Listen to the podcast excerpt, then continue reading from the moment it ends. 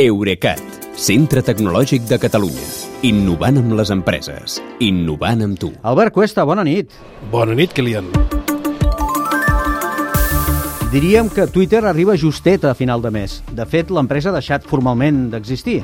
Elon Musk s'ha deixat entrevistar per un periodista i això ja és notícia perquè el departament de premsa de Twitter sol respondre amb l'emoji d'una tifa amb ulls tots els missatges que li arriben. En aquesta ocasió, en James Clayton de la BBC ha aconseguit parlar durant dues hores amb Musk de manera imprevista i en una sessió del xat de veu Spaces a dins de Twitter que va, va tenir més de 3 milions d'oients.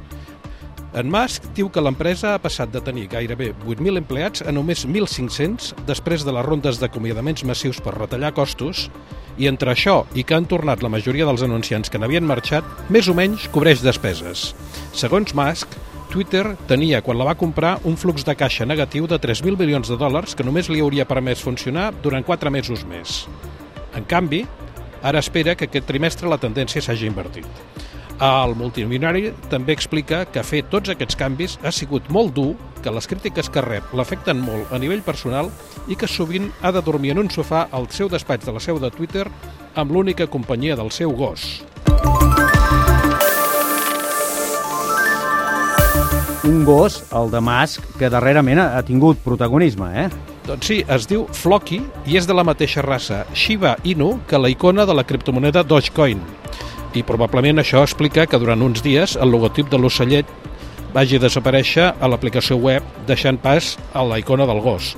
I de fet, amb l'entrevista, Musk assegura que en Floki és l'actual conseller delegat de Twitter eh, potser això del gos directiu és broma. En canvi, el que no ho és gens és que Twitter ja no existeix formalment com a empresa independent, sinó que s'ha fusionat amb una nova empresa pantalla anomenada X Corporation. I això s'ha sabut perquè la tal X és qui s'ha personat davant un tribunal en representació de l'antiga Twitter en el marc d'una demanda en curs contra l'antic conseller delegat, Jack Dorsey. El canvi es va fer públic de manera críptica, amb només un tuit dimarts passat on hi, hi havia exclusivament la lletra X.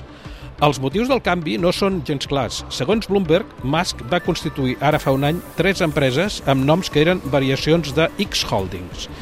I després de comprar Twitter, el mateix Musk va dir que l'operació li havia de servir per accelerar la conversió de la xarxa social amb una aplicació multifuncional que serveixi per fer de tot, com el WeChat de Tencent a la Xina però també podria ser que X acabi sent només una empresa per aigua per totes les altres propietats de Musk, inclosa Twitter, però també Tesla i SpaceX. El que queda clar és que el segon home més ric del món li agraden les incògnites, molt més que no pas li agraden els mitjans de comunicació. I no deixa de demostrar-ho. Durant l'entrevista amb la BBC aquesta que dèiem, quan el periodista li va dir que havia augmentat la quantitat de tuits racistes, el va acusar de mentider.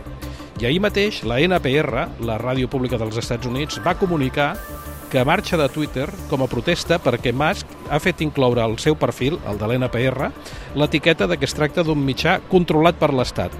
Una etiqueta una mica pejorativa que ja tenien mitjans russos i que, per cert, també ostenta la BBC. Eh, ves que no ens l'acabin japonant també a nosaltres, a Catalunya Ràdio. El que tenim sort és de que l'Europa continental a Twitter i a Musk no els hi sembla que els interessi gaire, perquè només un exemple, ni França, ni Alemanya, ni Itàlia són entre els 10 mercats publicitaris més importants de Twitter.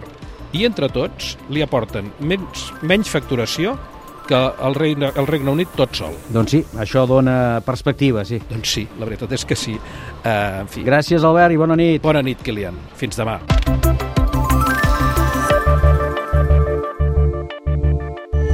Eurecat, centre tecnològic de Catalunya.